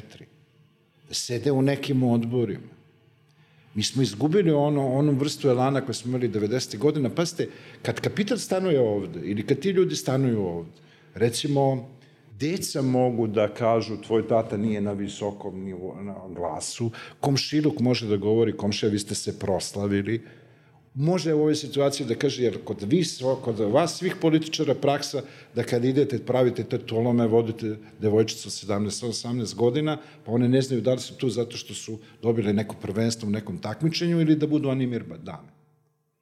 Tu vrstu uh, komotnog nezameranja, ja to osjećam po sebi. Gledam da prespavam, da ne vidim. Dok god ne počnemo, kao lošije organizovani i nemoćni da lajemo, neće se ništa promeniti. Pa da, mislim, bez obzira što su, eh, ja bih rekla, strukturni uslovi za sindikalno organizovanje takvi kakvi jesu, Mislim, mi sindikati, nema... Mi smo mi nema, svi sindikati ali, na svetu ali, prodali, tako ali što mi nemamo... nemamo kontrolu nad procesom rada. Izvini što te prekidam. Nema, I to 17. put u ovom razgovoru. E, to što nemamo kontrolu nad procesom rada. To što nemamo političku kapitalne moći.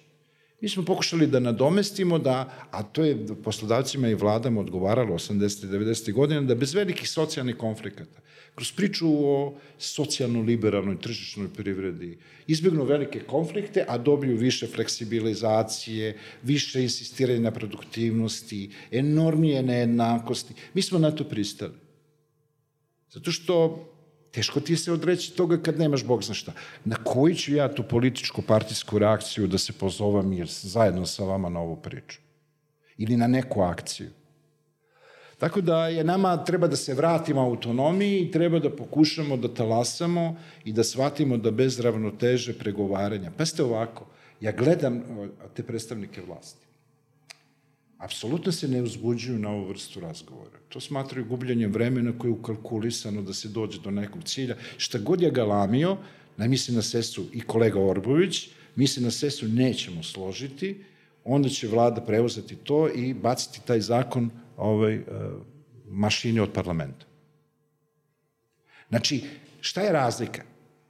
Jako bi velika razlika bila kad bi recimo dok mi sedimo tamo, recimo oko zgrade vlade bilo recimo 2-3 hiljade ljudi koji bi mi dali prostor da kažem, Vlado, vidi, ajde da izađemo, mi sad ne možemo ništa da im definitivno kažemo dok ne dobijemo instrukcije. Neko mi je od ovih sa dizajna, istorije umetnosti govorio, kad bi recimo 2000 ljudi krikne ovde glasno, da se to čuje na slavi, sigurno. Znači, ne možemo bez toga, jer oni, pre, oni prepoznaju samo kontramoći a mi nemamo dovoljno kapaciteta da sa njima ravnopravno razgovor.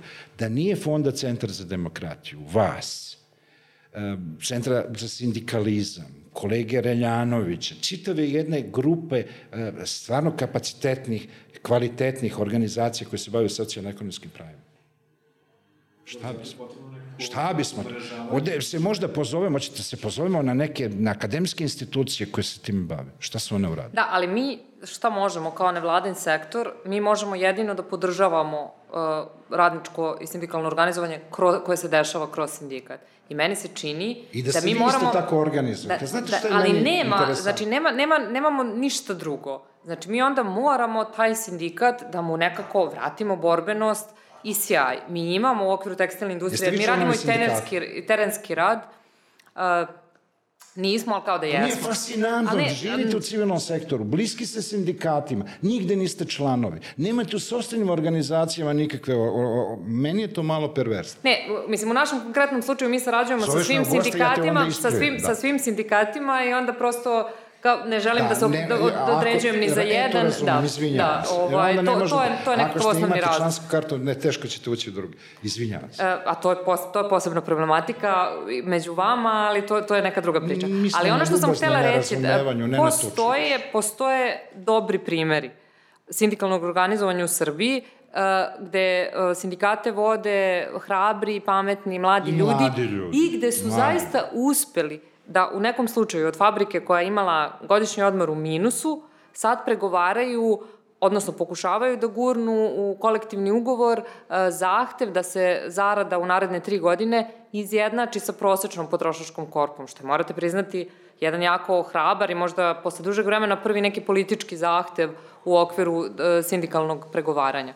I čini mi se da ono što mi možemo doprineti je da promovišemo takve slučajeve i da, uh, a da ih vi u sindikatu isto tako, mislim, vi imate druge mehanizme kako da ih, kako da ih vi podržavate, jer nemamo ni prečicu, ni neku sad 58. Uh, opciju koja će, koja će nam pasti s neba.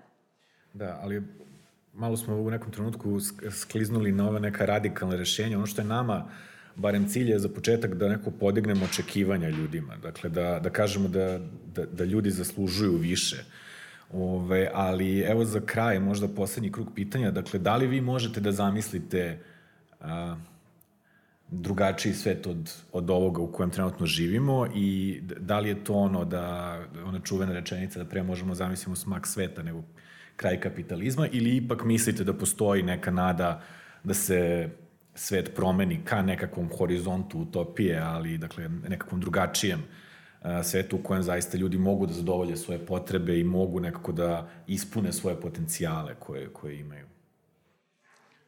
Sariti, ja sam toliko nepristojno puno pričao danas da je to strašno. Sad je pitanje, da li mogu da zamislim ili da li je moguće? Pa, ajde da krenemo od toga da li možemo da zamislimo. Da, da, možemo svašta da zamislimo, ali da li je moguće? Da, da, ovaj, uh, Ja, ver, i, ja imam ve, uh, uverenja, ne da verujem, nego imam uverenje da je većina ljudi dobra i da je većina ljudi uh, pravična i, i da uh, većina ljudi uh, drugima želi dobro. Ovaj. Isto tako verujem uh, da je moguće I to pokazuju primeri, ja sam Bojani rekla pre početka ovoga uh, i vidim tu ulogu sindikata da bi, da bi to u stvari mogao da prostor bude za sindikat. To je socijalna i solidarna ekonomija. Zoran je pominjao i, i radničko akcionarstvo. Ovde mislim u Srbiji da ima jedno dva ili tri primera, ne znam da su još preživeli. Ovde kao što recimo ITAS ovaj, u Hrvatskoj, ali e, čini mi se da nam taj deo socijalno-solidarne ekonomije uh, može da bude izlaz, budući da su ljudi i planeta iznad profita.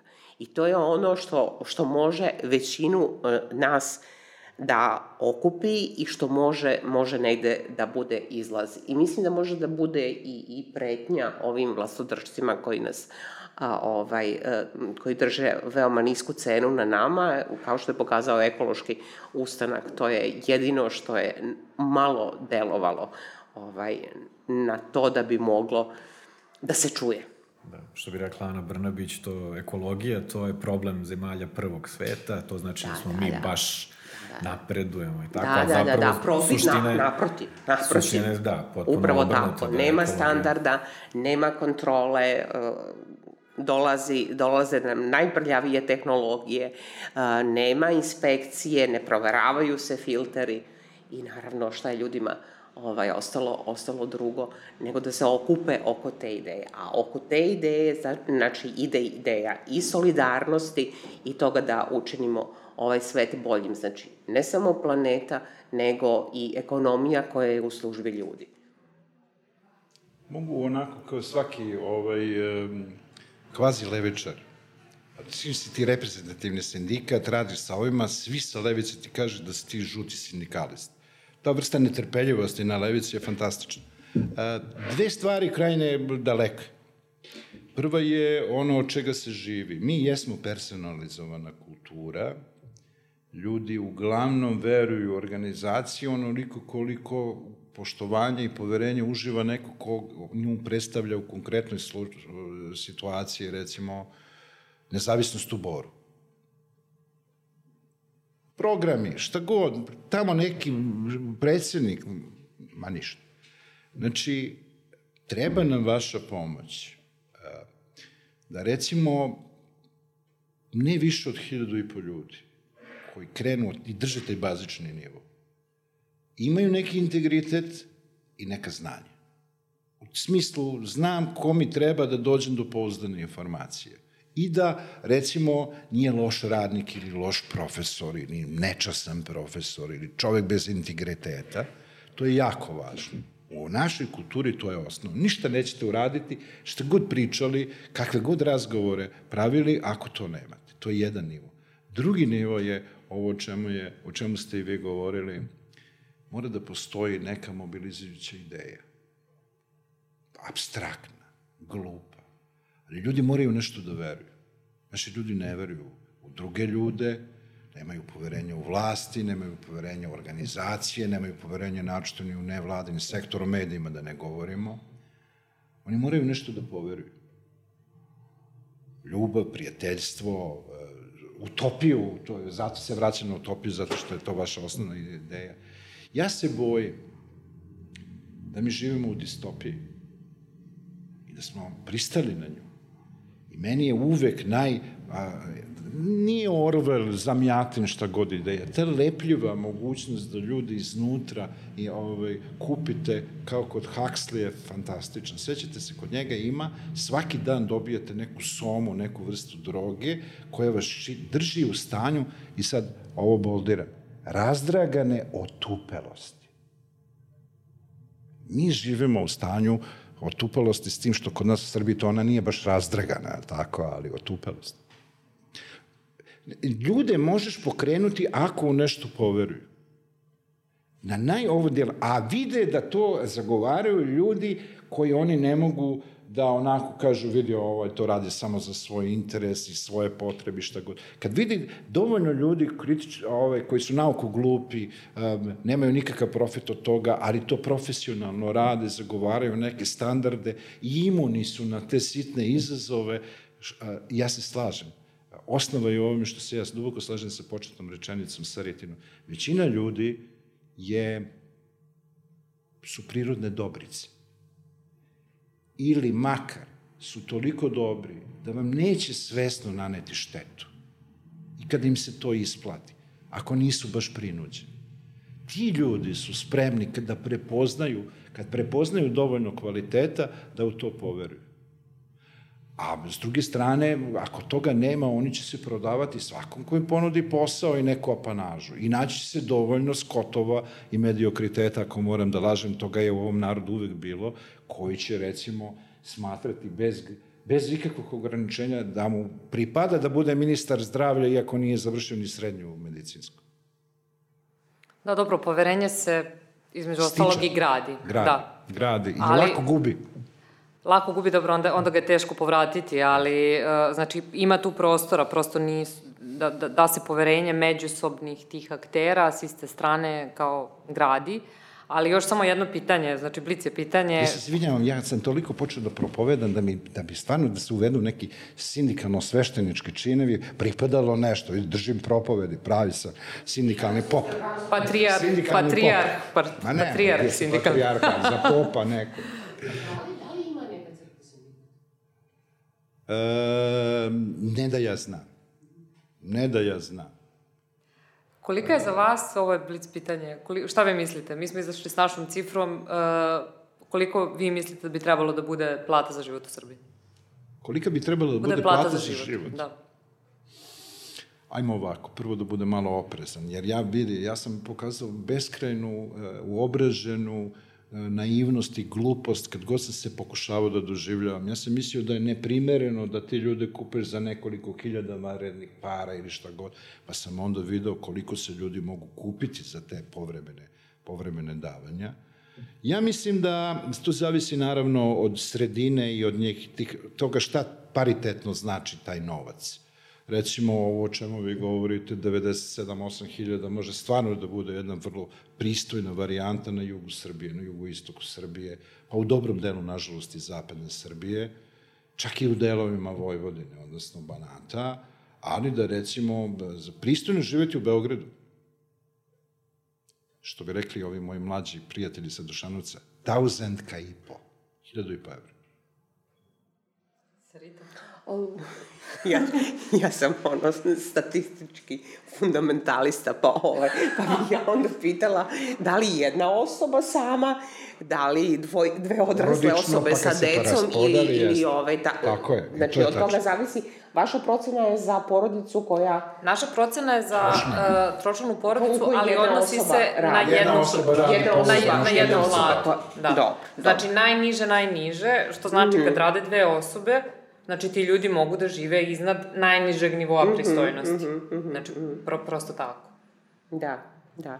Mislim, izvini samo, mislim da je još isto važno da se pomerimo od te logike, da neko nama meri koliko grama mesa nam je dozvoljeno da pojedemo i gde se ulazi u, u- te stvari koliko e, možemo da damo za obrazovanje ili za ovo ili za ono. Mislim da mi prosto moramo da utičemo na promenu tog diskursa, e, da, jer mi sad sameravamo ovo naspram 3000 kalorija. Kalorija, da. Pa je onda neko imao problem, ali ja sam bila, mislim, ne, ne ja sam bila, nego naš je prosto odgovor da lju, e, ljudi moramo da pomerimo se sa tog minimuma, minimuma, gde, gde, e, koji se na kraju krajeva je. svodi na, na e, egzistencijalno Recimo, da preživljavanje. li je pristojno da čovek u mojim Upravo. godinama sa obrazovanjem nekim može recimo da izvede familiju jednom u dve nedelje na ručak u kafanu?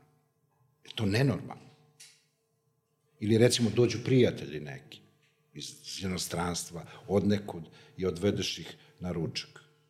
Je to nenormalno? Je to neki dokaz ne znam kakve nenormalne potrošnje? Ili nekog preteranog luksuza, naravno da ne. Naravno da ne.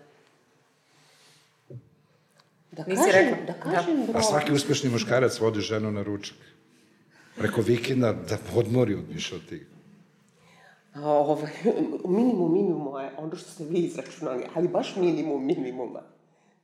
Tako da bi, ovaj, e, mi smo ranije pričali o tome, o različitim metodologijama za, za utvrđivanje ove e, zarade za dostojanstven život i mislim da bi to u stvari e, trebalo, trebalo negde istražiti. Ne znam kome bi to bilo u interesu, osim nama samima da pokažem, ali vrlo je, vrlo je važno, vrlo je važno to da se, da se pokaže koliko bi to bilo, ajde da vidimo u ovom, u ovom regionu. Da, da, u tom smislu naš proračun je regionalni, pa on malo grublji, mogu jer, jer metodološki tu je da gomila uopštavanja i proseka. Vi ste radili u odnosu 40% je hrana, je li tako? I a ovih 60% bi trebalo da, da pokrije, da pokrije Da, ove odnosno izra, izračunavali smo sve preko troškova hrane. jer Sve- smo da, mi da, da, da. e, računali hranu, ali kao prosto uh, otvorena je mogućnost da se, mislim, napravi vrlo konkretan proračun za Srbiju, koji bi dao, ja sam sigurna da bi on bio verovatno veći od ovoga, ali ne bi odskakao puno, iako je ovaj naš, da kažem, regionalni, pa je, pa je neka možda brojka tu malo grublja, ali uh, sigurna sam da bi on bio tu negde ili veći. Mislim, kad bismo radili za Srbiju. Ovaj, I treba biti vrlo oprezan sa tim, zavisno od toga gde živite. Evo, ja sam izvukla poslednje podatke iz ove a, košarice, jel, što bi se reklo. A, I gradovi koji su tu pobrojani, verovali ili ne, troškovi, odnosno potrošačka korpa, nam je potrošačka korpa u Beogradu je niža nego ona u Novom Sadu, Pančevu i Renjaninu.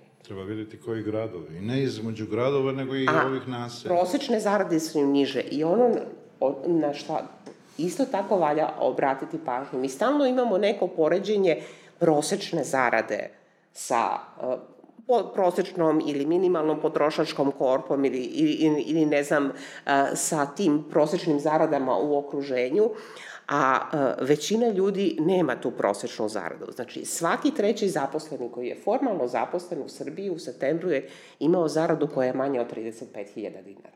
Tako i da one naše procene minimalac od 300 do 350 hiljada ljudi i to je, to je pitanje koliko desetina i stotina hiljada ima ljudi koji imaju manje od minimalca. Da, ali isto je i problem koliko ljudi prima taj iznos od minimalca Možda do jedan prosečne prijateljski zarade. savet, uh, ovaj, ili sugestija koju, do koje ste vi došli, ali moja nadobudnost neograničena, što više traje vreme, ja sam sve nadobudniji. Ovaj, e, pogledajte malo da to razvijete, recimo, ako može projekat da se razvije, ako možete da budete finansirani, da ima i se tvoj medijski deo, da ima, recimo, interesantne priče, da se neko trudi da, recimo, pokaže šta je stvarno dno dna, Recimo, dno dna je, recimo, da jedete isključivo piletinu i da pijecu idete posle 1-2 sata kad nakupci već gotovo bacaju ili poklanjaju to što imaju, da vidite šta je baš to, to, to, a da se vidi isto tako šta su sad ove varijacije koje uključuju neke relativno normalne stvari. I molim vas da vas ne, ne bi jeli ovi um, liberalni teoretičari i istraživači, uključite ovo što su ovi prihodi koji se ne vide, koji nisu plate, tipa penzije, tipe doznake i šta god, da vidimo koliko bi tu uopšte nešto promenilo. Da, jer raširen je rezon, da 90, treba 150 i jeba, nekako se pokrijemo, da vidimo odakle tih još 60. Ne, Vidimo svako ćemo mi jeste dalje priča. ovaj, i ovu Jer to je metodologiju životna priča, to su storije, to je od, od filma do dokumentarca. Bitno je da od nečega krenemo, tako da svakako ćemo mi to dalje razvijati. Ovaj. Da, ali je i isto tako poenta da, je, da, da prosto opet izvrnemo logiku uh, u, u kojoj se sada nalazimo, gde je normalno da, se, da pa nam plata nije dovoljna, pa radimo dodatni posao, pa se pomažemo poljoprivredom, pa ovim, pa onim. Ljudi rade 8 sati dnevno, 5-6 dana nedeljno i to im uh, uh, nije dovoljno za bazičnu egzistenciju. Ili stavite to, šta mogu da zaradim za 8 sati, a ne za kako dolazim do neki prihod koji preživim zato što radim dva i po posla, paralelno. Da, da, da, da, da. da. E, hvala vam puno na, na izdvojenom vremenu. Ove, mislim da je bilo interesantno, mislim da smo se baš lepo raspričali. Mislim, takav je format ovaj, da malo... Mogli bi još, da. Da. da, sigurno bismo mogli još dosta da pričamo. Hvala svima na gledanju.